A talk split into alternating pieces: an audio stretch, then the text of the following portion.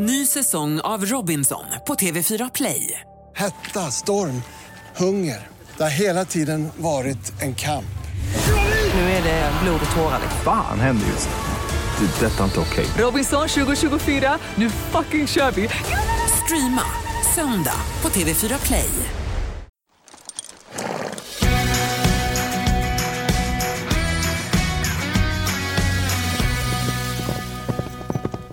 Välkommen till ännu ett nytt avsnitt av Ridklubben. Välkommen säger jag som heter Gry. Och jag heter Rebecka. Dressyrryttaren Rebecka. Ja, hopp och dressyrryttaren vill jag lova. Vi ska prata mer om det. Vi ska bara säga att det här avsnittet kommer handla mycket om foder, om mat, om kosttillskott, vitaminer, mineraler, fibrer. Allt. Vi går djupt in i, i, i maten, hästarnas Ja, mat. Vad betyder TS och N och M och G och alla de här Och behöver de något mer än grovfoder? Du, både du och jag är lite... Att hålla det enkelt är ju ett motto. Ja, Inte så mycket extra skydd och extra specialgrejer och inte extra mat och små skopor av ditten och datten utan egentligen bara hö, eller silage och kraftfoder. ja men precis. Men så har vi börjat prova lite grann.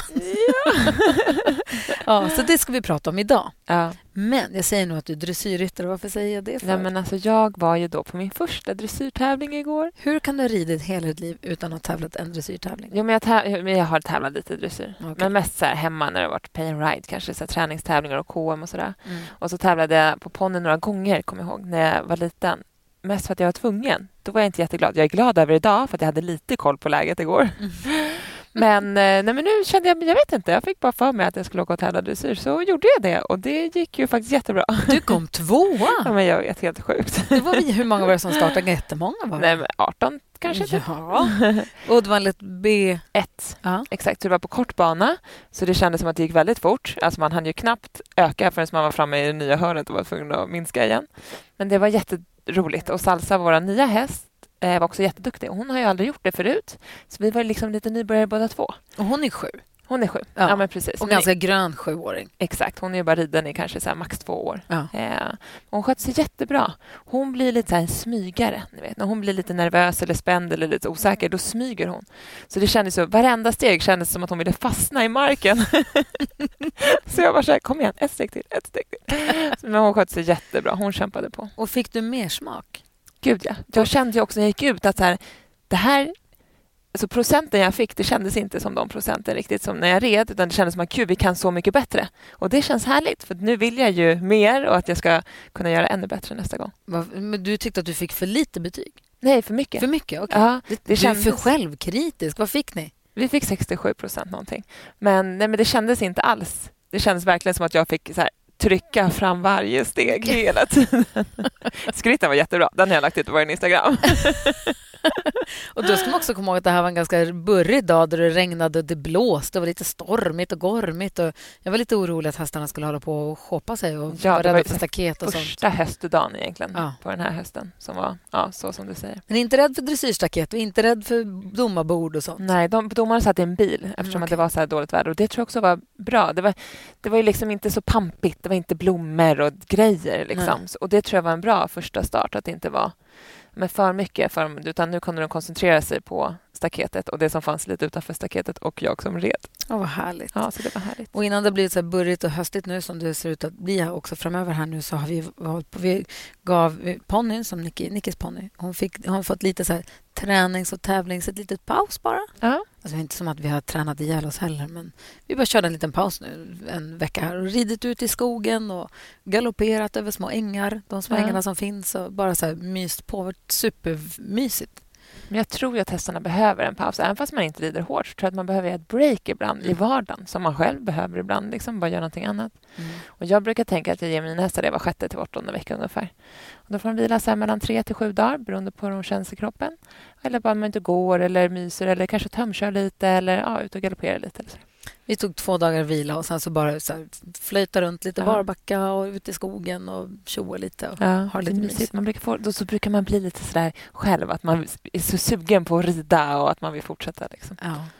Du, vi vill tacka Högs som sponsrar den här podden. Vi är jätteglada för Tack snälla Högs. Jag vet att du Verkligen. var där för du har ju tävlingsplaner framåt så du var ju svängde förbi. Nu var det jag som fick sms av dig. BDNFH. Jag förstod direkt. Behöver du något från Högs? men det gjorde jag inte nu. Men vad behövde du från Högs? Jo, det är så. Vi ska på meeting nästa, häst, eh, nästa helg och då ska jag med med båda hästarna. Och då tycker jag det är bra. Det finns så mjuka foderkrubbor som man ställer in på golvet. Och de tycker jag är perfekt att ha med när man är iväg. Sådär. Och om hästarna kliver i dem så kan de inte gå sönder eller göra illa sig. Bra. Så jag köpte sån. Och sen så köpte jag saltstenar med hål i så man kan trä ett rep eller snöre i dem och hänga upp då i gallret eller på boxen eller så.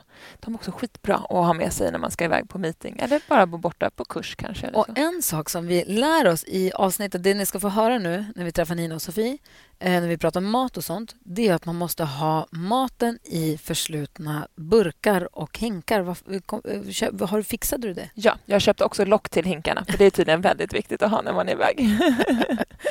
Varför?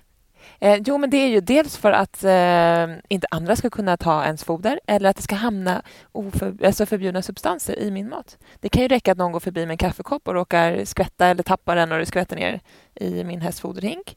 Blir det då ett dopingtest då kan man åka dit för doping. Just det. Och en sak som när vi pratar med Nina och Sofia som ni ska få höra alldeles strax, som de pratar om också som jag inte alls hade tänkt på, det var att om man har till exempel müsli eller mash eller vad det nu kan vara, att när man får maten att den kommer i påsar som det är en klisterlapp på.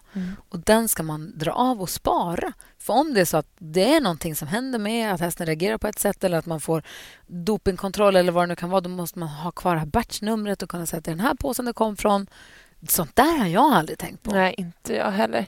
Och jag tror att det är bra att träna på det nu. nu jag har inte varit med om så många dopingkontroller än eftersom att jag inte tävlar på så hög nivå. Men tänk om man kommer upp på en högre nivå. Då är det Ja. bra att ha det liksom som en rutin, att man alltid gör så. Verkligen. Och anledningen till varför vi vill prata om, om foder, om hästfoder... Ja, men som jag sa innan, så både du och jag är väl lite mer så här, eh, hålla det enkelt. Och med maten, att det är grovfoder och sen så är det kraftfoder i den mån man behöver. Ja, men precis. Men sen så var det du som hade hittat, du ramlade över, du heter Minerals by Nordic som de jobbar med. Då. Ja. Men du ramlade över det, köpte hem det och så testade vi, körde vi någon månad med hästarna. Sen sa vi att vi måste prata med någon om det här och då ringde vi till dem Exakt. som har Minerals by Nordic för att prata med dem för att få höra vad är det här för någonting och hur mycket behöver man och vad behöver man och vad kan man ge för mycket av och vad kan man inte ge för mycket av. Exakt. Men man blir så nyfiken. För jag är inte heller rädd för att testa nytt. Det tycker jag är viktigt att man vågar. Och det är för hästarnas skull som man ger saker. Men jag är också anti att ge hästarna massa mat som de går rakt igenom kroppen och ut igen. Det är som att stoppa i pengar och så bara ramlar de ut på andra sidan fast oanvändbara. Bajsa ut dem, så får jag gå och hämta dem i hagen. Ja, exakt. Men sen tror jag att foder kan hjälpa många hästar. Vi har en häst i stallet som har svårt att sätta muskler och vi tror att han har lite ont i magen. Och där har ju de varit jättekunniga och hjälpt oss mycket. Så nu ska vi få prova ett foder från dem och se om det ger resultat. Och det vore ju härligt om, det, om man kan hjälpa hästarna med det. Så superviktigt, eh, både för hästarna och för oss som håller på med dem, att de får i sig rätt. Ja, men jag tror också att alla vi hästägare ska vara mer frågvisa. Alltså de ni beställer er maten ifrån, fråga dem varför ger jag det här och hur mycket ska jag ge? Och, Men som nu, om jag ska börja testa ge Nickis ponny lite müsli ja, så vet jag inte hur mycket. nej. Och det är pellets, vad är det i de där då? Ja. Och så oftast, vi pratade om det tidigare då, du bara, men prova lite. Hur länge ska man vänta innan man ska se, innan man vet om det är lagom eller förstår du vad jag menar? Ja, men precis. Man måste ändå ge det lite tid. Man brukar säga att det tar tre månader för hästar att bygga upp muskler. Eller Mm. liksom så så det, det går inte att man kan inte se resultat på en gång. Men Nej. man ska ändå märka någon skillnad tycker jag ganska snabbt. Och så Mm. kanske man ökar successivt eh, tills man kommer upp. Och där kan man också ringa då, som vi ger från Minerals by Nordic och fråga dem. Ska jag ge det här och hur mycket ska jag ge och varför ska jag ge det här? Jävla gissningslek. Ja, men jag vet. Men vi träffade alltså i stallet för inte alls så länge sedan två stycken väldigt kunniga inom det här området och de heter Nina och Sofie.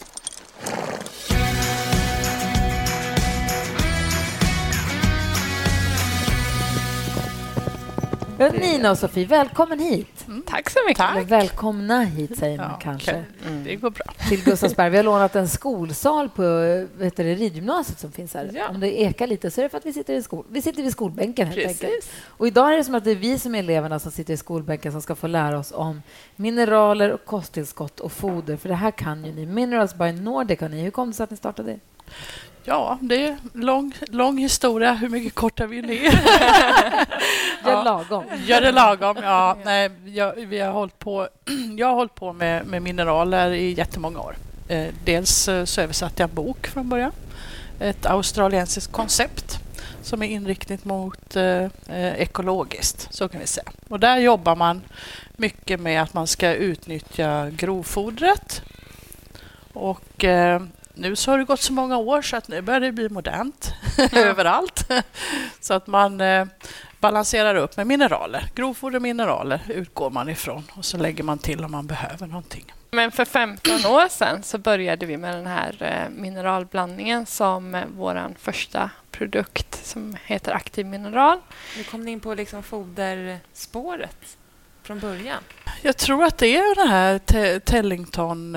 Alltså man tittar på helheten då hos hästar. Vad är Te- Tellington? Te- Tellington eh, Linda Tellington-metoden. Då. Ja, Vad är det? Om det någon, för den Ja, just det. eh, Den är Feldenkrais-baserad är träning. Kroppsmedvetande träning. Det förstår. Ja, och det fanns en, en gubbe som hette Moshe Feldenkrais från början som utvecklade det. Och eh, man, I vanliga fall så utgår man ifrån att man kan Eh, göra rörelser med kroppen. Men, men när man kan göra rörelser och man fortfarande inte mår bra så tittar man på lite mer saker. Så helhet, eh, miljö, vad man äter, hur mycket stress man har. Och det, det, det är egentligen ett koncept som är för människor men det var lätt att flytta över till djur. Så det var det hon gjorde, Linda. Så då när man börjar titta på hur hästar är och fungerar så förstår man ju att det inte bara handlar om att ha en snygg hage eller en snygg stallgång eller så utan att det är annat som spelar in med. Och då märker man hur mycket man kan göra bara genom att komplettera upp med eh, lite, ja, man jobbar med kosttillskott. Men den mineralblandningen som Mm. du nämnde, Sofie, Mm. är det den som ni gjorde själva? Ja, Aktiv Mineral heter ju den. Och eh, själva grundkonceptet till den kommer ju från de här böckerna som det började med att eh, Nina hittade och översatte. Då. Och där boken handlar ju också i grund om hur man kan hålla hästen välmående och fri från eh, vanliga sjukdomar. Liksom, med rätta balans Mm. på olika mineraler i kroppen. Och eh, man kan ju se bristsymptom på hästar eh, som man kanske inte tänker på alltid. Som svaga hovar, ja men då kan det saknas vissa ämnen. Eh, blek päls, glanslös päls. Då kan det vara andra mineraler som saknas. Eh, och det tyckte vi var väldigt intressant och fastnade för hela den läran. Liksom. Vad är, vad är det i mineralerna? då? Är Eh, hemligt? Nej, nej vi, vi tycker ju att det är väldigt eh, viktigt att vara medveten om vad det är i burkarna och att det, Det ska vara... jag ju faktiskt eh, erkänna att det har man inte tänkt på. Nej. Utan jag vet ju att hästarna behöver tillskott av mineraler utöver grovfodret. Men sen har jag aldrig tänkt tanken på att läsa exakt vad de innehåller. Nej. Nej. Och det är ju vår våran favorithobby. Och, och läsa vad är i burkar. Ja. Och behöver de alla grejerna som är i de där burkarna? För att det finns många burkar som vi tycker att det är onödiga grejer i. Om vi ska fodra våra hästar mineraler, då vill vi mineraler. Men behöver mina hästar och era hästar samma typer av mineraler? Eller kan det skilja sig om vart man bor i landet och vad man ger dem för grovfoder? Och... Eh, ja, lite kan det skilja sig. Mm. Men den, den blandning som är i burken, det är en, en bas, en, en basblandning. Och sen eh, så kanske man måste lägga till lite, lite mer magnesium. På en del ställen så finns det ju, eh, det är ju kalcium magnesium balans som man vill ha. Och den kan vara olika vad, hur det är odlat, grovfodret. Så att egentligen är det är väldigt nördigt. Den här blandningen hänger också ihop med jordanalyser och grovfoderanalyser. För det där är ju Ja. lurigt. Då. Hur ska jag veta vad jag ska ha för kost, vad jag ska ha för vitaminer till, eller mineraler till hästen? Mm. Då ska jag se, för det, vi har en så här grovfoderanalys som vi Mm. får med, med fodret. Får vi det med fodret? Ja. Det, står på en lapp inne på väggen. Jag vet inte Ja. var det kommer ifrån. Jag bara Jo, men de sitter på balan när de kommer. Så Ja. vi bara från balan och sätter på Ja, väggen. Så och det, det, skick, det, det, är ju, det är ju det bästa Ja. om, om man kan få. För det är, många som säljer grovfoder och inte tar analys. Jag Och finner då- på, I vårt, hö, i vårt Ja. foderrum där sitter en lapp med en analys. C-A-K-P-F-M... TS någonting. Ja, just Och det. då, då började jag försöka räkna på det där för att försöka lista ut. För jag kom på mig själv att jag chansar. Jag har tittat lite grann... Får jag säga det här? Ja, du måste... Jag har tittat lite grann på vad de andra ponnysarna i stallet får. Hur mycket, hur många kilo de får av en slage till exempel. Och så kollar man ju lite vad hon ätit typ innan, eller men när ni typ. köpte henne. Och så. Och sen så har jag chansat lite. Och så kom jag på att jag har ingen aning om ifall hon får tillräckligt eller för mycket eller för lite. Eller hon ser ut att må bra, så att det verkar funka. Men du vet, jag bara fick en sån här, gud, jag måste... Och då ägnade jag en hel dag åt att försöka räkna ut det här och det var inte så himla enkelt. Nej. det. Men får vi säga en sak då? Att för vi vi eh, tycker det är så intressant med alla, alla, alla delar i hästarnas hälsa. Och därför kan vi också bli så här att räkna foderstat det är så oerhört komplext. Ska du göra det ordentligt, då ska du veta liksom, har de bete ute eller, in, in, äh, eller inte. Mm. Eh, vad har du för grovfoder? Vad har du för värden? Vissa som kommer till oss har inte ens såna värden. Eh, och sen så, även om du har räknat ut då perfekt att här ligger allt, varje mineral och allting, det är perfekt. Men vad, hur vet du vad det, hur det omsätts i kroppen på Ja. hästen? För det är som vi människor. Någon kan leva på McDonalds fem dagar i veckan och vara topp till rim och vissa blir eh, inte så hälsosamma bara man tittar på en pizza. Liksom. Så det handlar så mycket om hur upptaget i kroppen fungerar. Och det finns ju produkter som kan eh, stötta det upptaget. Och, eh, Och hur ska man Ja. veta då? Hur ska man veta vad det är för mineraler man behöver? Vi tänker ju att man ska ha en bra grund. Eh, och jag tycker att i vår aktiv mineral, där har vi organiskt bundna mineraler. Det finns organiskt och syntetiskt bundna. Syntetiskt kan man säga att det är som konstgjorda mineraler. Och sen så finns det organiskt bundna. Eh, och eh, vi har en blandning av sådana och även ett svavel. Eh, och ett svavel innehåller alla aminosyror och aminosyror påverkar upptaget och hur hästen kan tillgodogöra sig den näring vi ger. Ja, och även, även aminosyror styr alla livsprocesser i kroppen. Så att är, många kan ju få ett råd att ge en speciell aminosyra för någonting. Då, Eller men, en specifik mineral. ja, liksom. men den, den kanske inte alltid funkar så bra för att den behöver ha de andra.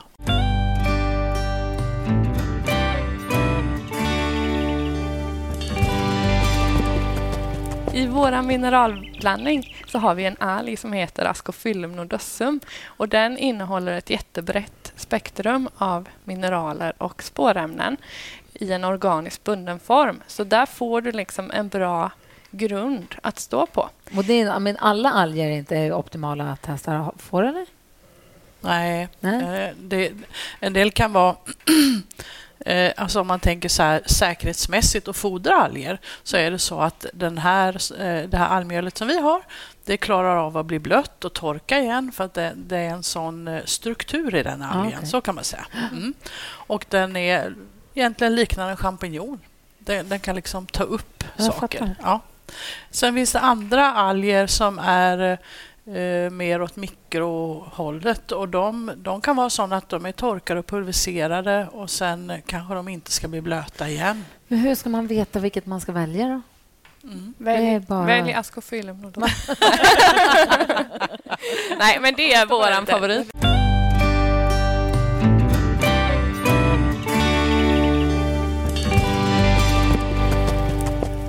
I den här blandningen så ingår ju eh, svavel.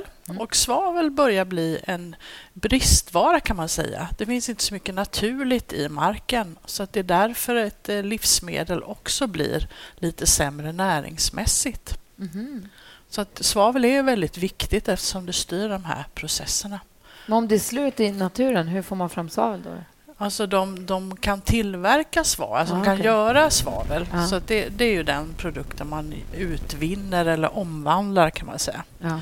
De andra delarna i produkten är eh, rent naturmaterial. Mhm. Mm. Och då har vi nämnt eh, Ascophyllum, Asc Ascophyllum nodossum och vi har valt eh, vi har nämnt svavel och den sista ingrediensen är ju dolomitkalk. Och den är i naturlig form. Ah. Man kan, eh, allting går att göra. Man kan göra en dolomitkalk.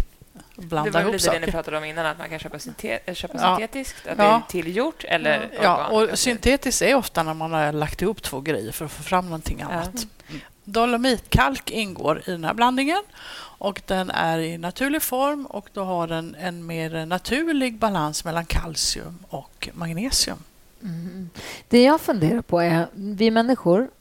Vi kan ju, om jag överdoserar C-vitamin, om jag trycker C-vitamin, så får kroppen, kroppen ta upp det den kan och sen kissar ut resten. Mm. Så försvinner det ju. Men vissa saker ska man inte ta för mycket av, om det är magnesium eller om det är zink. Jag vet inte vad det är som människa nu. Mm. Eh, vissa saker ska man inte ta för mycket av, helt enkelt. Mm, hur ska jag kunna veta vad som är lagom mycket för min hälsa? Vad, kan jag över, vad är farligt att överdosera? Vad är farligt att ge för mycket? För det är jag rädd för om man inte riktigt har pejling. Att man, I så fall skulle jag säga att magnesium kan vara det, men den är ju lösande i kroppen. Alltså man, man får lös avföring av magnesium. ah, okay. Ja, så att det, man ska äta rätt så mycket av den också, men eh, det är ju... Men annars nej, det finns ingen så här vad som man ska tänka på att ge inte för mycket av det här för då kan det bli för mycket. Det Utan som vi, De gör sig av med överskottet, eller? det Ja. som vi får frågor på ofta, som vi har lite lägre av i vår blandning, det är just selen. Mm. Eh, Och då frågar många ofta varför är det så lite selen i er produkt? Och det säger vi för att vi är försiktiga med den. För den är ju faktiskt lite känslig hur mycket man ska ge av. Mm. Och är den en syntetisk så lagras den ju i Ja. kroppen. Ingen selen är nyttig, men den syntetiska är ju ännu mer lag. Alltså den stannar kvar, den går rakt upp i hjärnan. Mm. Man, man ska inte ha selen. Inte för mycket. Nej, men lite. Vad är, den, vad är selen bra Vad händer för? om man inte äter selen då? Ja, då kan man bli sjuk också. Också. Ja, precis.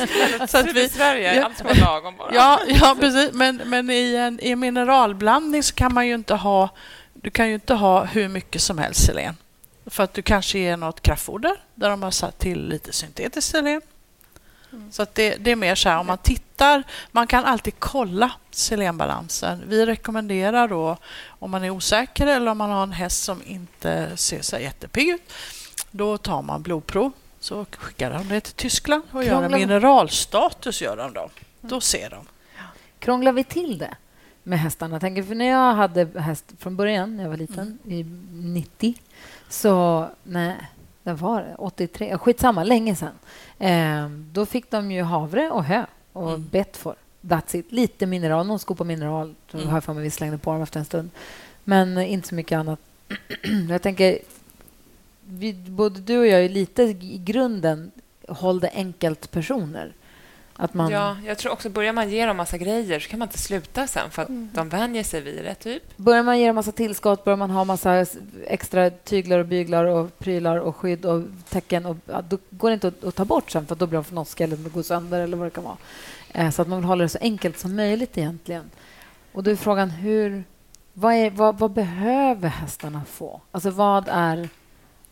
Förstår du vad jag är ute efter? Mm. Ja. Vad, vad hur enkelt kan man hålla det? Eller är det Eh, dumt tänkt överhuvudtaget? Nej, det är det ju inte. Det är det inte. Och det, det som är i så fall svårast för en hästägare idag är ju att eh, alltså miljöförstör, miljöpåverkan ökar ju. Alltså nedfall som vi inte styr över. Kanske vatten som de kommer åt att dricka eller eget vatten, brunnsvatten som man har då. Då, då är det ju också svårt. Och in, om vi nu går tillbaka lite till selen så är det så att selen behöver man ju för att ta hand om tungmetaller. Mhm. Så att i så fall är det ju viktigare med ett blodprov för att veta. Alltså om jag fodrar så här mycket och det, det är liksom inom rekommendationen och den har väldigt låga värden, då, då brukar vi rekommendera att man lägger till eh, en E-vitamin först i naturlig form. Då. För att det är ett högre upptag på den och då, då kan den hjälpa, till, hjälpa kroppen att omvandla selenet så att man får ut det i, i kroppen där det ska användas. Och till viss del så kan E-vitamin ersätta selen, men selen kan aldrig ersätta E-vitamin. Så det, det är ju A, D och E är de här viktigaste vitaminerna. Så därför har vi grundmineralerna i blandning där som ska täcka upp och kompensera lite kanske ja, om det inte går att få maximalt grovfoder.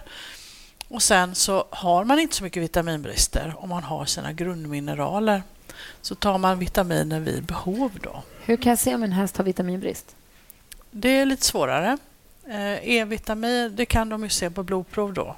Eh, De här A, D och E kan de ju ta på.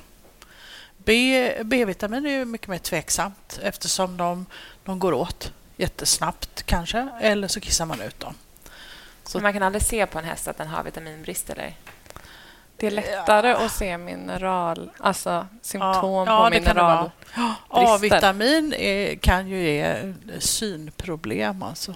Men det är ju kanske Alltså, inte heller någonting man märker Nej. i första taget. Nej, men alltså... Och annan Vi, mineralbrist, då, hur ser man den?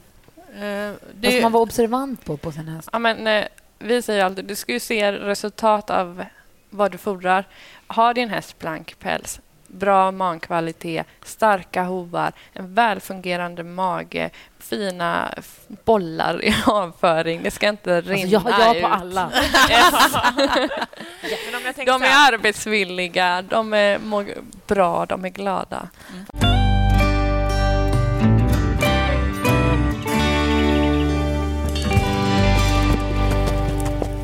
bara plattar ner det. Att hästarna de behöver ju ett, en form av grovfoder. Mm. Och oftast i Sverige så är det ju hö, ensilage eller hösilage. Mm. Vad spelar det för roll? Om jag står så här, okej nu ska jag välja ett nytt grovfoder. Eller ett grovfoder. Jag har Okej, precis öppnat då, ett vad är det för skillnad? Ja, vad är det för skillnad? Och varför finns det för... Eller liksom, vad Ja. ska jag välja om jag ja, nu... men då, då kommer man in på ett krångligt ord till där då. TS-halt. Exakt. den har man ju läst om. torrsubstanshalten. Och eh, eftersom hästar kan omsätta rätt så mycket fibrer med så, så är Det är också det. Hästarna ska ju äta länge. Ja, de ska äta länge Och mycket fibrer. och mycket fibrer. Men Så får de eh, då 10 kilo om dagen utdelat på fyra pass, säger vi, Mm. det blir inte äta så länge. Nej, det beror på då eh, Allt är relativt. protein och sockernivån i grovfodret. Ja. Så vilket grovfoder ska jag då välja? Ja, och det, ja, svårast är väl om man har en ridskola. Man ska täcka lite åt alla håll och kanter Ja. med inte för bra och inte för... Ja. Men, men runt 40 är väl rätt så. En del tycker att det är jättelågt, men eh, då kan man ju låta dem ha en längre ättid. Alltså då kan man ge mer kilo. För. Nu förstod jag inte alltid- svaret ens. Jag Alltså. Eh, nej, 40 gram. Ja, nu pratar jag är det? protein. Förlåt. Ja, protein. mm. Så att om man då börjar där. Ensilage är det som är blötast. Mm. Eh, och där eh, har de ofta, om man, när man tillverkar så, så slår de på åken, eh, lägger upp det stränga så ligger det inte så länge och så plastar man det med en gång. Och så blir det en process i den här balen, så en konserveringsprocess. Ibland tillsätter de ett konserveringsmedel för att få igång, ja, ensileringsmedel heter det, för att få igång processen. Sen finns det ju hösilage som är mer, kanske mest poppis bland hästfolk. Då har man gjort samma. Man slår, man lägger upp i sträng, man kanske vänder en eller två gånger så att det har torkat lite mer.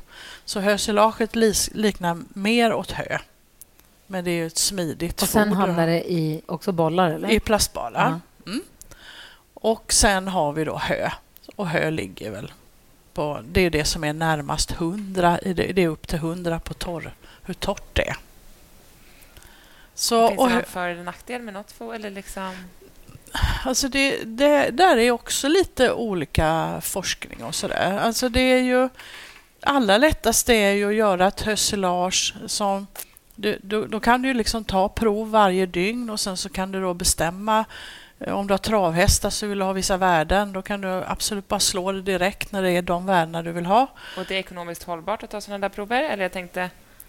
Ja, det är det ju. För att om du har ett maximalt grovfoder så behöver du inte köpa kraftfoder. Nej. Nej. Nej.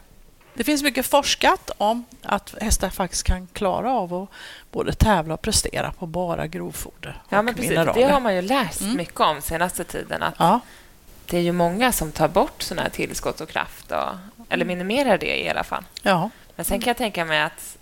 Eh, Då måste man, förlåt, då måste man, jag håller på att försöka lära mig det här nu. Då vill man veta, då, det man vill veta då är TS, alltså hur torr substans, vad det Ja. står för. Men om du, om du gör en foderanalys så får Ja. du också ett värde som står...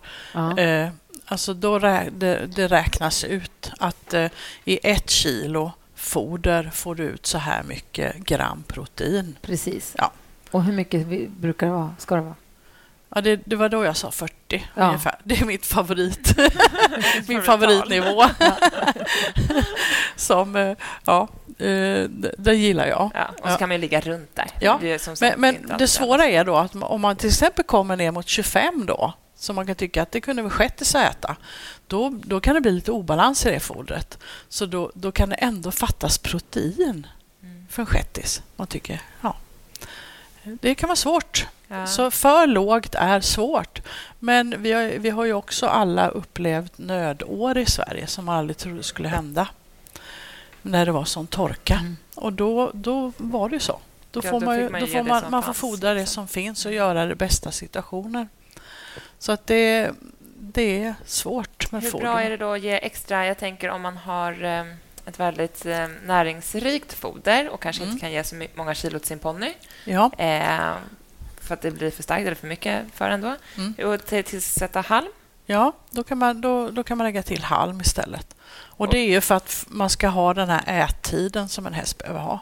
Och halm har ingen näring i sig alls. Nej, den kan, eh, en del halmsorter kan innehålla socker faktiskt. Så att det får man också tänka lite på. Mm. Speciellt i ponnysarna där som ofta är lite känsliga på socker. Ja, Så man vill att de ska äta under en lång tid för att det ska vara så Ja. naturligt form som De- möjligt. för De, brukar De har ju liksom ett visst antal meter tarmar som ska vara fyllda med fibrer. Mm. Mm.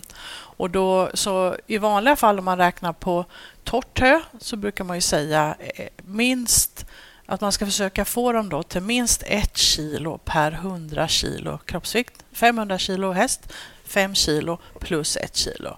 En 5 kilos häst, eller 500 kilos häst behöver äta 6 kilo minst. Minst. Minst, Ja. minst får man nog säga. För det känns ju lite. Och om jag Ja. skulle ge min häst Ja. bara... Jo, men om, om du då har ett, ett, ett mål idag. Ja, men alltså om man har ett, ett om man var tvungen att köpa ett grovfoder eller det det man har som har mycket protein, då kan du ju inte Alltså då måste du hålla ner på det och Ja. lägga till något annat strå. Finns det något annat alternativ då än halm?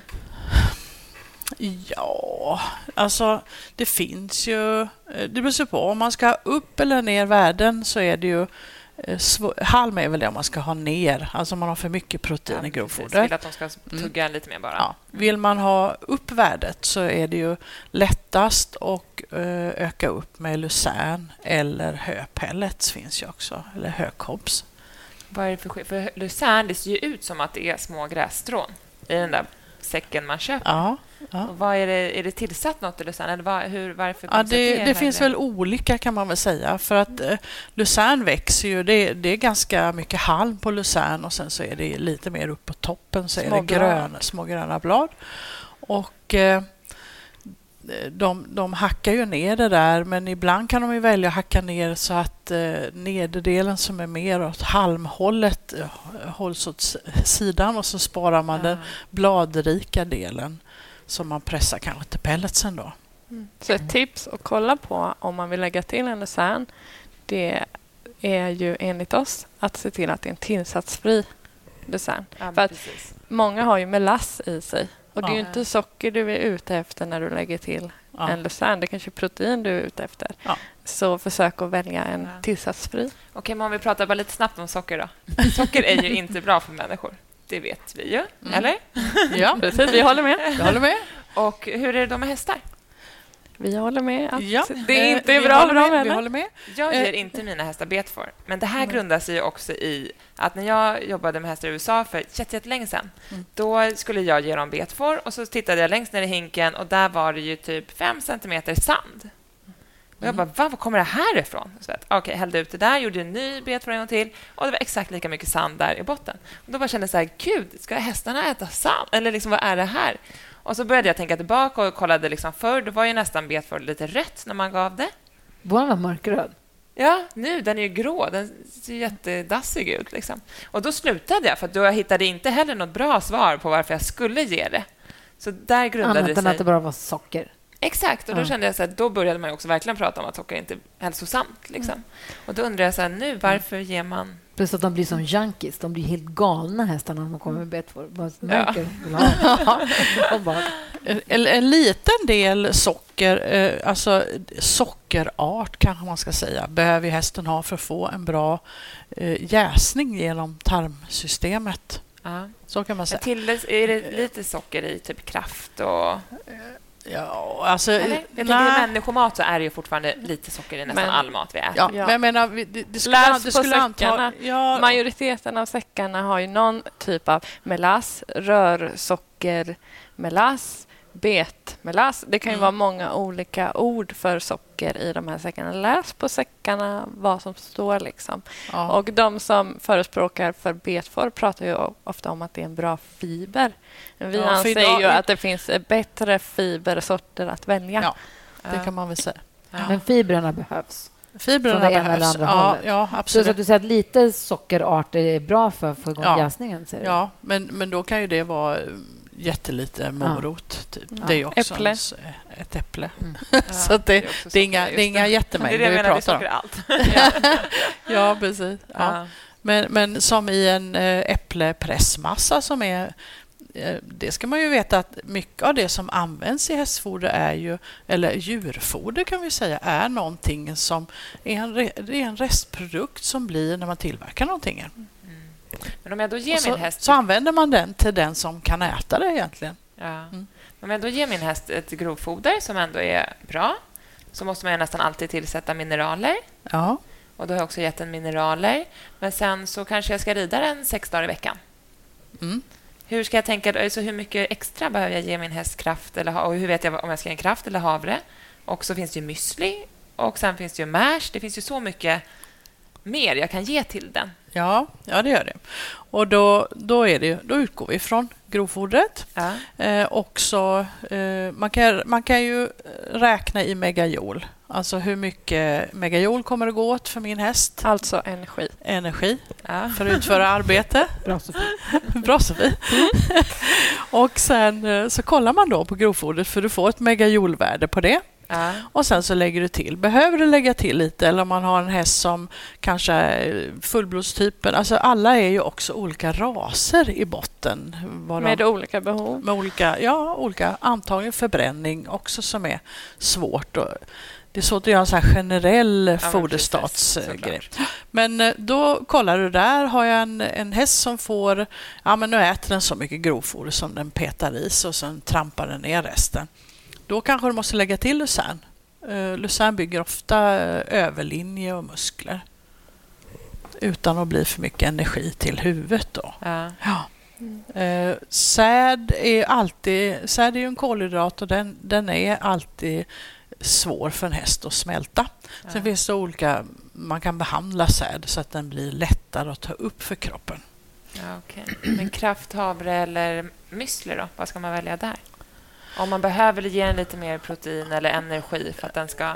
Ja, Vilja ha, hoppa eller havre, havre är ju en, en, ett sädeslag som hästar har ätit i alla år. Ja. Och där, Men det är där, många hästar idag som man upplever blir lite knäppa i huvudet av Ja. havre, eller? Men det, det har jag sett forskning på också. eh, Vad det eventuellt kan vara så är det ju så att det är eh, med miljön som är nu då så kan den ju, hela av den kan ju bli, kan bli lite mm, slags mögelskador i dem som ligger mellan kärnan och skalet. Och då utvecklar det toxiner som hästar blir knäppa av kan man väl säga. Alltså det stiger något huvudet lite. Man Sen är kan lite man väl- mögelförgiftad. Jaha, det här visste inte jag. Nej. Men sen kan man väl också tillägga att sädesslag kan vara svåra för hästen att smälta i magen. Och då går det vidare ut i tarmen. Ja, Och då får du ju inte Det är den... därför de bajsar effekten. helhavre. Mm, det är inte bra. Eller? Då har ju den inte... Eller den kanske skulle haft bara några deciliter och sen har den fått mer och då har det bara skälpts över i magen kan man väl säga. Så så går det, det för mycket vitaminer Ja. så kissar vi ut bajsar ja, ut. och, nu, och då i det här fallet är ju att det, det är alltid lättare att fylla på med, med gräs, alltså fibrer som hästar ska ha.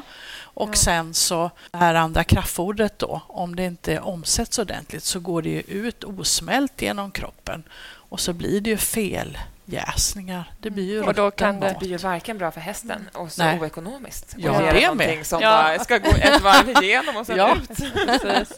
Och det kan ju ge både magsår och kolik och gaskolik. Det, det är Mm. mycket som kan hända. Liksom. Och eh, man går ju verkligen mer åt forskningen åt att spannmål ofta inte är det bästa alternativet för hästarna.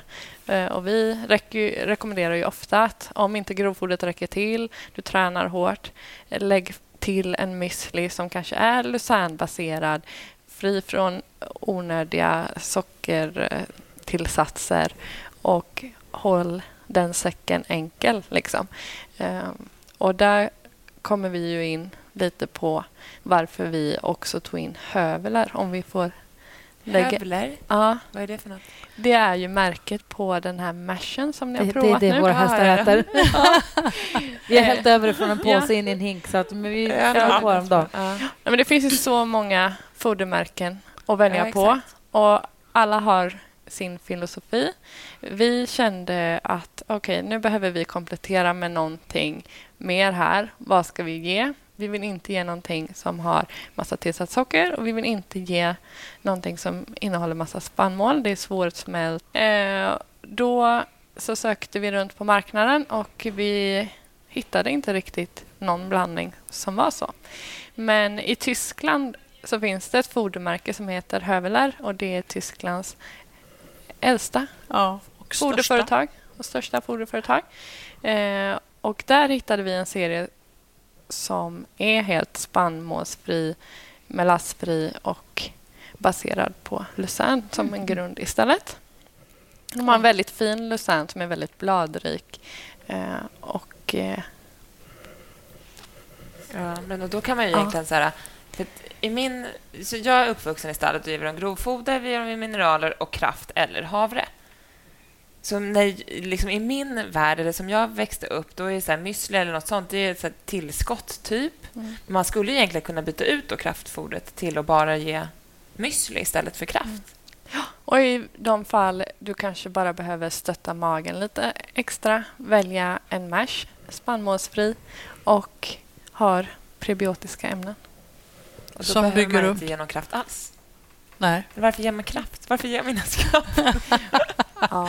Ja, men alltså det, det, det finns ju eh, det finns ju alla sorts säckar för alla behov. Alltså om man har eh, det har vi ju märkt när vi har jobbat med det här bolaget. Ja. För att testa, till exempel i Tyskland är ju alla anläggningar jättestora. Alltså det är väldigt få ställen som har några hästar. Ja, Och ska Sverige man, hantera, ska man hantera då Ja. eh, ja, Mm. ett kilo hö till alla en gång, liksom ett par gånger om dagen, då det går åt för mycket personal, det tar för mycket tid. Då gör man en, en färdig pellets med hö, fibrer och någonting i. Ja. Så har man Får de inte automatutfodring. lika lätt kolik då av det än om man ger dem ren kraft? Alltså det, det jag är tänker ju... att det borde vara bättre om det är lite hö i den maten också. Eller vad. Ja, fast det är ju det. Risken är ju att de tuggar slarvigt med pellets och sånt för att det är gott. Ja, det går för Så- fort ner i magen. Ja, liksom. en häst, eh, matsmältningen börjar i munnen. De måste ha fungerande käkar, de måste kunna tugga för då börjar eh, tillverka saliv som ska gå med ner och, och starta processen i Mm. magen. Ja, okej, så om min Så häst att får man- ofta kolik, då kan man egentligen börja kolla i munnen. Så att Ja, tänder och ja, käkar, tänder, käkleder funkar ordentligt. Sen är det en del hetsiga hästar som kommer liksom och, och kastar sig i det mesta. Ja. Och då, då ska de ju kanske inte ha... Man kan ju lösa om man måste ha en, en, en pellets eller en müsli så ska man ju alltid... Det är därför man börjar med grovfodret för att dämpa ner på hungern så att de inte kastar sig över. Nej, jag förstår. Mm. Och om hästar då, eh, som kanske ofta får kolik, Mm. eller det vill man ju inte att de ska ha heller. Det kan Nej. också komma väldigt oförutsägbart. Hur kan man, vad kan man se för varningssignaler och hur ska man tänka kring det liksom, för att kanske Prio. förebygga? Prio ett är ju att se över foderstaten. Ja. Många ger ju hästarna mer än vad de behöver. Ja, och sen, jag har funderat jättemycket på det eftersom jag, är, jag är, gillar det ekologiska tänket. Och, och vi, om man har en häst så vill man att den ska se tipptopp ut hela tiden. Ja. får inte vara någonting. Men alltså, det finns ju årstider och varför skulle det inte få finnas årstider i en hästkropp? Alltså, förr i tiden var det ju så. Militären... Alltså, vi ska äta enligt säsongerna, kanske de ska göra det också. Ja, men alltså att, är det så farligt om man går ner lite, lite i hull när man byter päls? För att det är väldigt populärt att kanske ge, och, och ge jättemycket protein när de byter hår. Det är kanske det jag inte... Det, det är det felet jag har gjort nu. Ja, men alltså det, han har gått tagit ja. ner sig lite. Dels för att han gick in från gräs nu Ja, till bara... de ska ställa Ja, om liksom. sig och då kanske de kan få se ut så lite. Han, är också han blir ganska påverkad, det har jag märkt nu, både på höst och vår, när det är liksom från varmt till kallt. och kallt. Ja. Och då blir han lite deppig och ser lite så här lågmält ut och kan tunna ur sig lite. Mm. Och nu, jag fodrar på här. Med kraft och allt möjligt. Men så vill jag inte göra för mycket, för jag vet att sen när det blir kallt, då Ja. kommer det säga pjong! Och så har Ja. jag jättemycket energi i tyglarna istället. ja, precis. Man måste ha lite is i magen när man fodrar. Ja, Ja. det, det är så. Men det kanske är den där... Ja, vi vill ha perfekta djur. Och, Men sen, jag tror man gör det med, alltså, med välmening. Ja, man vill Ja, det, det, de är en, det är en omtanke. Ja, men det är som med barnen. Alltså Ja. jag, mår, jag som mamma mår ju absolut bäst när jag vet att barnen är mätta och de ligger i sin säng och sover. Mm. Och Det är lite samma med... Jag vill att hästen ska vara mätt och nöjd och Ja. glad och stå i sin välmockade box och godnatt, godnatt. Ja. Ja. Man vill ju att de ska få, man vill inte att de ska vara hungriga eller gå på sparlåga. Man vill inte träna en häst, hoppträna, dressyrträna eller vad man nu gör med sin häst och misstänka att den kanske har fått för lite av någonting. Nej, ju- nej, men det vill man ju inte. Och det, det är ju också det här att när man, när man bygger, när man tränar, eh, lite kan man ju skilja på kanske hobby, fritidshäst och den som tävlar som ändå ska vara lite mer, alltså när den tränar på lite högre nivå så är det ju ett annat tänk Jo. och den ska klara resor och allt det som Och ska Då blir det lite mer millimeter hit och dit. Ja, då, då blir det mer millimeter. Men, men att man ändå alltid är noga med att fasa in, alltså vid de här årstiderna. Den går från mer gräs till, till ska leva lite mer på grovfoder.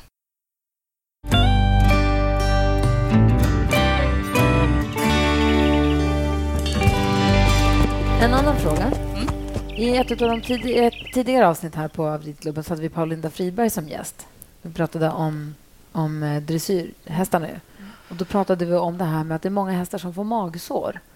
Och hon trodde att man kanske pushade dem lite för tidigt i för unga åldrar och visade upp dem på championat när de, när de är unga, unga, unga. Och många hästar som kanske inte kommer till sin fulla potential för att de blir liksom utbrända Mm. mentalt, var hon inne på då, alldeles för Ja. tidigt. Stress är ju en jättestor faktor till magsår. Ja, och då tänker jag ni som jobbar med Ja. foder och med vitaminer och mineraler och Ja. heter det, fibrer. vad säger, Ja. Är det här någonting ni upplever också? Ja, jo, men, och det är där man kan se då att, att, kan, att man ska inte säga generellt att alla behöver ha mer magnesium, men magnesium är ju för att hjälpa till på stress, stressnivåer också och spänningar. Och eh, hä- hästar kanske inte alltid kan Kropp, ska jag säga, kroppen kan inte skilja på positiv och negativ stress antagligen. För ibland blir man ju stressad för att det är roligt. Ja, exakt. Man Och blir så- exalterad. Ja. Ja, och, och sådana individer har man kanske valt att avla på också. Mm. Som tycker att det är kul när man visar transportskydden och liksom fingrimman och wow, nu ska vi ut och åka. Så, och då är de ju på ett annat sätt. Man kanske får hjälpa dem. Vi brukar skoja så här, de kanske inte är uteligga-djur. De skulle inte överleva om vi släppte ut dem. Avlade för något helt annat De, än att de fly. är lite, ja så, så är det ju. Så då är det ju sånt ansvar för den som tränar. Och, och man får ju tänka då att man, när man tränar så bygger man ju, man bygger ju nya muskler på tre månader. Men ligamenten och senor som ska hålla de musklerna, de tar sex månader att stärka. Mm. Och sen är det ju hela tiden en pågående working progress. Vi är också lite, det är lite ett quick fix-samhälle också som Ja. vi i människovärlden lever i. Ja. Att man fixar allting nu så snabbt. Allting. Man har inget tålamod riktigt. Man får inte glömma det när man kommer till hästarna. att De är inte alls med på det där tempot. De har inte alls... Nej, de kanske inte har bett om det. Så. Nej. De kan inte anpassa sig De har inte läst heller. artikeln Så får du platt mage på tre veckor i Aftonbladet. Så får du magrutor innan midsommar. Ja, Nej. precis. Nej, men och magsår är ju en jättestor pro- problem, ett jättestort problem Ja. eh, i dagens hästhållning. Och där måste vi verkligen tänka både på hästens stressnivå. Har den det stressigt i stall och hage? Utsätts den för för hård träning? Det påverkar kroppens pH och magsyra och hur hela mag och tarmsystemet kan fungera och hantera den maten som vi ger dem. Så både stressen och även vad vi stoppar i dem är Men om ju de inte då, om viktigt. de har det liksom bra i stallet, de verkar trivas i sin box och det är liksom, allt verkar Mm. funka bra där. De har en hagkompis som också verkar härligt, de har en bra kemi. Och man liksom inte rider så jättehårt, mycket ute i skogen, kanske tränar lite på banan och sådär. Men om man ändå upplever att den kanske kan ha lite problem med magen. Då, då gör kollar man då? vidare.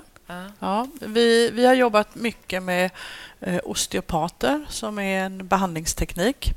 Och eh, det, det är ett jättestort koncept, hinner vi ju kanske inte gå in på Nej, idag. men, de är ju men- proffs på hur hela kroppen Ja. fungerar ända från utsidan in på organnivå. Ja, och att även då eh, koter och så hör ihop med inre organ.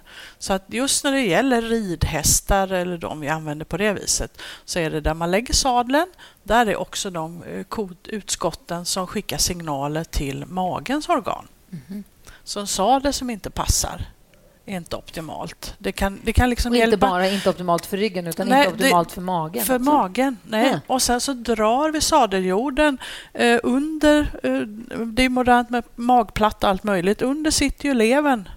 Och det är ju känsligt. Om det är lite stressat eller om levern jobbar hårt så är den ju lite, man, kan, man ska inte säga svullen, men den är lite ansträngd där. Då tycker de inte om man drar. Och sen så har man ju på sidorna mot armhålorna är också sådana meridianlinjer om man tänker akupunkturmässigt. Så att där är också känsligt då att dra en jord för hårt. Det här har jag inte tänkt på. Alltså det finns så många Så- yttre, Ja. yttre faktorer och Allt vi inre. gör är fel. Ja. Och sen om man vill nörda ännu mer Så då så är det... resten av mitt liv. Ja, det gör jag. Det, det är Nina specialitet. Ja, jag tömkör. Micke rider alltid barbacka i och Ja. så det är bra. Ja, men jag gör så. Jag, vi tömkör och så hoppar vi upp och rider lite ibland för den är ridutbildad. Nej, men den är... Det, Men med och det sen- sagt, om man har en sadel som ligger bra, ja, om man har sadeljord som man får passar ha sin checklista och man får, liksom, man får som också se hur hästen reagerar. Om man drar sadeljorden och den blir jättearg, då kanske Ja. inte bara har att göra med att den är dum. Nej. Man kanske inte ska skälla på den då. Nej. Då. Man kanske inte ska skälla på den då, utan man ska fundera på vad det kan vara. Och med det sagt, om man har en, en sadel som ligger bra och sen så om man drar sadeljorden och man märker att om... Jag tänker att om man har en sadeljord som ligger bra och att den inte verkar må illa av att man drar sadeljorden, då behöver man inte kanske dåligt samvete för att man, för att man rider på det. Nej, det behöver Man man inte ha. man har gjort allt som man Ja. själv tycker... Mm. Att så här, den har bra utrustning, den mår bra i miljön, den liksom, allt är toppen, tycker jag. Och vi reser inte mycket, eller den känns inte stressad. Eller, hur kan, kan man hjälpa den med något foder en kort period, eller är det något man måste göra hela tiden? Eller? Ja, om man, har, om, man har, om man får magproblem och man måste hjälpa av det på något vis, då är ju eh, den här pu- Pure Mash, den är väldigt bra. Lucernbaserad, den är uppbyggd så, så att den, eh, den ökar på kroppen, eller hästens egna magbakterier som kroppen snabbt känner igen och vill ha. Så att det går fortare att få lite ordning på magen. Det, det tycker jag absolut. För att eh, om den har ont i magen så vill man, den kanske inte bli riden och sen så blir den inte motionerad. Och det blir liksom en nedåtgående spiral det med. Den behöver ju ha sin cirkulation och Rörelse. rörelse Mm. också. Så då kan man hjälpa till med det. Mashen. Eh, jag vet inte så mycket mer egentligen. Vad jag... Men om man ska säga för att kunna ta upp också näringen i mashen och grovfodret så rekommenderar vi ju verkligen den här mineralblandningen, aktiv mineral, med sina aminosyror eh, och mineraler för att kunna stötta upptaget och magens funktion. ja. Finns det något sätt på man som man kan lära hästarna att äta mashen i sin krubba och inte längs med hela vägg, boxväggen? Nej. Här. Nej. Då så. Eller bara slicka rent efter sig. De är så roliga. Vad heter ponnyn? Harmonia älskar ju mashen. Hon Ja. tycker det är toppen. Ja. De andra stora har varit lite mer svårövertalade. Salsa äter den glatt, men hon slabbar ju något så in i bänken. Ja, hon äter Ja. hela stallet, så jag kommer få städa hela stallet Ja, nästa jag sommar. skurade insidan av boxen för bara två veckor sedan. Ja, jag har ju provat flera gånger också. Det är slabbigt Ja, överallt. gegga. alltså. Ja, men, ni, men ni, de kanske försöker tala om att de vill ha lite mindre vatten i den, kanske? Ja, jag har faktiskt börjat med det nu. Att de Man kan mer göra som en liten lite. grötig. Exakt, så att Ja, det lite men, eh, fastare. Jag tog ju med till tävlingsbanan två gånger. Det gör vi aldrig om. Nej. Alltså, jag var så skit Ja, precis. Stå Men, med eh, baljan och hon, de blir glada. Och, de, och det som är härligt när man har varit, när vi har varit på ponnytävlingar och så har jag tagit med Mercan och så blandat den där mellan och ridit två klasser, det är att Ja. jag vet att hon får i sig lite vatten mellan Ja. om hon inte har tid att dricka riktigt. Då vet jag att om då fick hon åtminstone i sig den där lilla baljan med vatten då när det var så varmt. Ja. Och det tyckte jag var jätteskönt. verkligen. Men vi måste få slå ett slag också för eh, vår produkt som heter Inflaboost DHA. Vi har haft en tjej som vi har hjälpt nu som hon har haft sadeltvång på sin häst i flera år och hon har bytt till den här eh, Purmash och mineralerna och så en markant förbättring och det var så roligt. Och sen så kom ju den här produkten också då, Inflaboost och vi sa prova den här med nu. Vad är det för någonting då? Det är en mikrokapslad alg som innehåller en vegansk DHA. Och Så- vad är DHA? Bara lite snabbt. Det är en, en fettsyra. Ja. Eh, Omega-3 kan man ju säga det. Och det, den är lite mer koncentrerad i den formen eftersom hästar kan tillverka egen omega-3 av gräs. Men om det fattas då så kan man behöva fylla på i depåerna. För det pratas ju ofta om att vi människor ska äta fiskolja och DHA och grejer. Men eh, DHA är ju också jätteviktigt för hästarna. Så hon la till den här och efter eh, ett par veckor så har hennes sadeltvång försvunnit helt och den här tjejen hon är helt extas och det har varit så roligt att hjälpa henne. Det förstår Eh, jag. där var, där var sista där. pusselbiten för henne. Liksom. Ja. Och det är ju från individ till individ och den här produkten kan ju hjälpa på jättemånga andra eh, symptom också. Den är väldigt multifunktionell. Det finns forskning som visar att den eh, hjälper inlärningsförmågan hos föl. Den eh, kan eh, hjälpa till att bidra och dämpa på inflammationsvärden. Och som för henne då, sadeltvånget Men hur, försvann. kan det hänga, hur kan det hänga ihop? Ska, Alltså- hur, hur länge ska vi prata? ja. Nej, det är jätteintressant. Ja. Gud vad spännande jobb Mm. ni har. Och det här håller ni på med hela tiden? Och Hela om- dagarna. Det är, Forskar och läser. Och Ja. Försöker hjälpa hästar att må så bra som de kan. Det låter det är ju toppen. Fantastiskt. ju. Ja, men, och det känns som att man blir aldrig... Jag har ändå hållit på med hästar hela livet. Jag har Mm. pratat så många gånger om foder och man försöker att lära sig och förstå och hit och dit. Men man blir liksom aldrig riktigt fullärd, tycker jag. Nej. Nej, Men det är också det som är kul. Och det kommer Ja. nya saker. Och precis. så. Men jag tror fortfarande, håll det enkelt. Ja, ja. Eh, men sen så är det klart att man måste stötta upp vissa. precis. Saker. det Och så kanske jag- prova, men så, och ser man inget resultat så fortsätt inte då, för det är också onödigt om de bara Ja, ut hel men havre. precis. Det är liksom pengar Ja. in och ut, typ, Ja. som inte Ja. går att använda. Bär hem det, sen bär ut det. Så får du betala för det på båda hållen. Nej, men du ska verkligen märka skillnad av det du fodrar. Och, både vår mineralblandning Active Mineral och Inflaboost DHA till exempel är väldigt multifunktionella produkter. Så ibland kan det kännas lite fånigt. Så här, ja, men jag, jag har problem med hovar. Ja, men ta Active Mineral. Men jag har problem med mage. Ja, ta Active Mineral. då blir folk nästan så här, nej, då är det för enkelt att, Ja, det, precis. att det är en produkt som kan hjälpa så många Kan grejer. Eh, Vi får ofta den frågan, men nu har vi hittat ett kosttillskott som vi säljer i vår webbshop som också innehåller alger, men den är bättre för människa. Och även eh, en sån alg-omega. Doseringen är för människor i den burken. Ja. Annars får vi ta ett litet, litet frö där i våra mineralfall. Det går på tungan nu. Och de var jätteroliga när vi hörde av oss till dem, för han bara så här, men jag, jag tittade på er webbshop och jag tänkte så här, ni tänker som, fi, som vi, fast ni tänker till hästar, sa han då. Nej, vad roligt. Ja. Så, nu har vi ett kosttillskott som liknar sammansättningen på vår hästmineral. Och eh, den här Inflaboost som är urvunnen ur den här mikro mikroalgen då Ja. finns också i en omega-3-kapsel till människa. Så nu, nu äter vi som Så- våra hästar. Ja, men så är ju ryttare, eller hur? Mm. Man, man grejar med hästen. jag hör så många här nere i stallet som bara, jag ger min den hästen här, men jag äter lite själv också. Då sitter Nej, du i sadelkammaren och lasrar dig lite på någon axel med laserapparaten. Ja, precis. Ja. Ja. Men, men ofta vill man kanske ge hästen allt det bästa och sen så blir det ingenting till sig själv. Ja. Man får investera i lite tillskott till sig själv med, så man kan vara den bästa ryttaren för Verkligen. hästen. Ja, vi får testa, fortsätta testa med mars och mineraler till hästarna och se om de fortsätter hålla sig och gå i, i samma härliga riktning som de gör nu. Ja, det hoppas jag verkligen. Eh, Sofia och Nina, tack snälla för att ni kom hit och hälsade på oss. Det var jättetrevligt att få prata med er. Nu vet jag så mycket mer, men fortfarande ingenting om vad hästarna ska ha för mat. Vi får ta tre avsnitt till.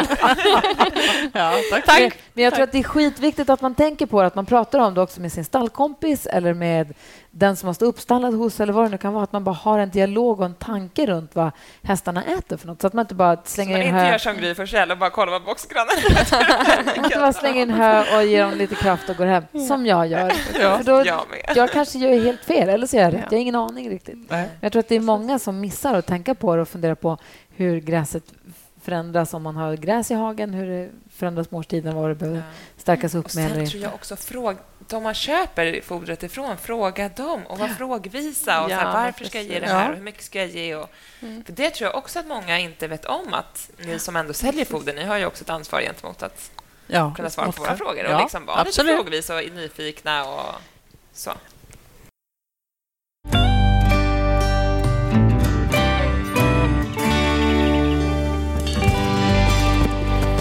Vi har ju hästen Neo. Han, vi köpte en kolsvart häst. Och sen så kom sommaren och så blev han brun. Alltså jag, typ guldbrun. jag Alltså tror typ ljusbrun. att de färgade honom innan vi köpte honom. Han var också känslig som fan i pälsen. Då. Ja. Han är lite känslig i pälsen fortfarande, inte Men alls det går ju att borsta på honom. Ja, han hatade att bli borstad. Han var jättekänslig i pälsen förut, men nu är det bättre. Man blir fortfarande väldigt brun på sommaren. Kan det ha att göra med något? Kan det hänga ihop med något han äter eller inte äter? Ja, precis. Eh, Det finns ju en del sådana här grejer som man kan se på hästarna som kan vara kopplade till mineralbrister. Och även om de är känsliga i skinnet och sånt. Och till exempel om de ljusnar av bara på sommaren och sen så är de jättesvarta och fina på vintern. Det är ofta inte solen som gör det, utan Va? det kan vara mineralbrister och till exempel koppar, kopparbrist. Eh, och eh, på vår hemsida så har vi ett produkttest till exempel där vi frågar lite olika frågor om din häst. eh, Hur är kvaliteten på manen och hur hovarna och sådana grejer. Och sen så kopplar de svaren ihop med olika produkter som kan hjälpa till att eh, lindra de här bristerna. Så att de ljusnar behöver alltså inte bara vara solen? Li- Lite, lite grann är så, en viss solblekning blir det ju och i slutet av säsongen när de ska byta päls då, då går ju all näring till den nya pälsen som ska komma och den är ju lite i botten. Men om det är liksom väldigt så här stora och även såna fläckar, eh, alltså de kan ju ha lite olikfärgade fält på sig. Ja, skulle man kunna säga att de Ja, har. ja. ja, men alltså det inte är färgkoden på dem då. så, så där har, och då kan det vara koppar, brist, eh, men det går också åt koppar för att omsätta protein. Så ibland kan det vara att det har varit för mycket protein och då skulle de ha haft lite mer koppar. Förstår. Ser du vad man lär sig saker hela tiden? Kolla där nu. Hörrni, tusen tack för att ni kom hit. Det var jättetrevligt att få träffa och, och prata mineraler och kosttillskott och foder med er. Kom snart tillbaka. Ja, absolut. Ja, tack, Tack. så mycket. Apropå foder, Bosse är på väg att ta vår lunch. Resten, Bosse. Du får inte bestämma. Och vi hörs igen snart. Det gör vi. Hej! Hej! Tack! Ett poddtips från Podplay. I fallen jag aldrig glömmer djupdyker Hasse Aro i arbetet bakom några av Sveriges mest uppseendeväckande brottsutredningar. Går vi in med hemlig telefonavlyssning och, och då upplever vi att vi får en total förändring av hans beteende. Vad är det som händer nu? Vem är det som läcker? Och så säger han att jag är kriminell, jag har varit kriminell i hela mitt liv men att mörda ett barn, där går min gräns. Nya säsongen av Fallen jag aldrig glömmer på Podplay.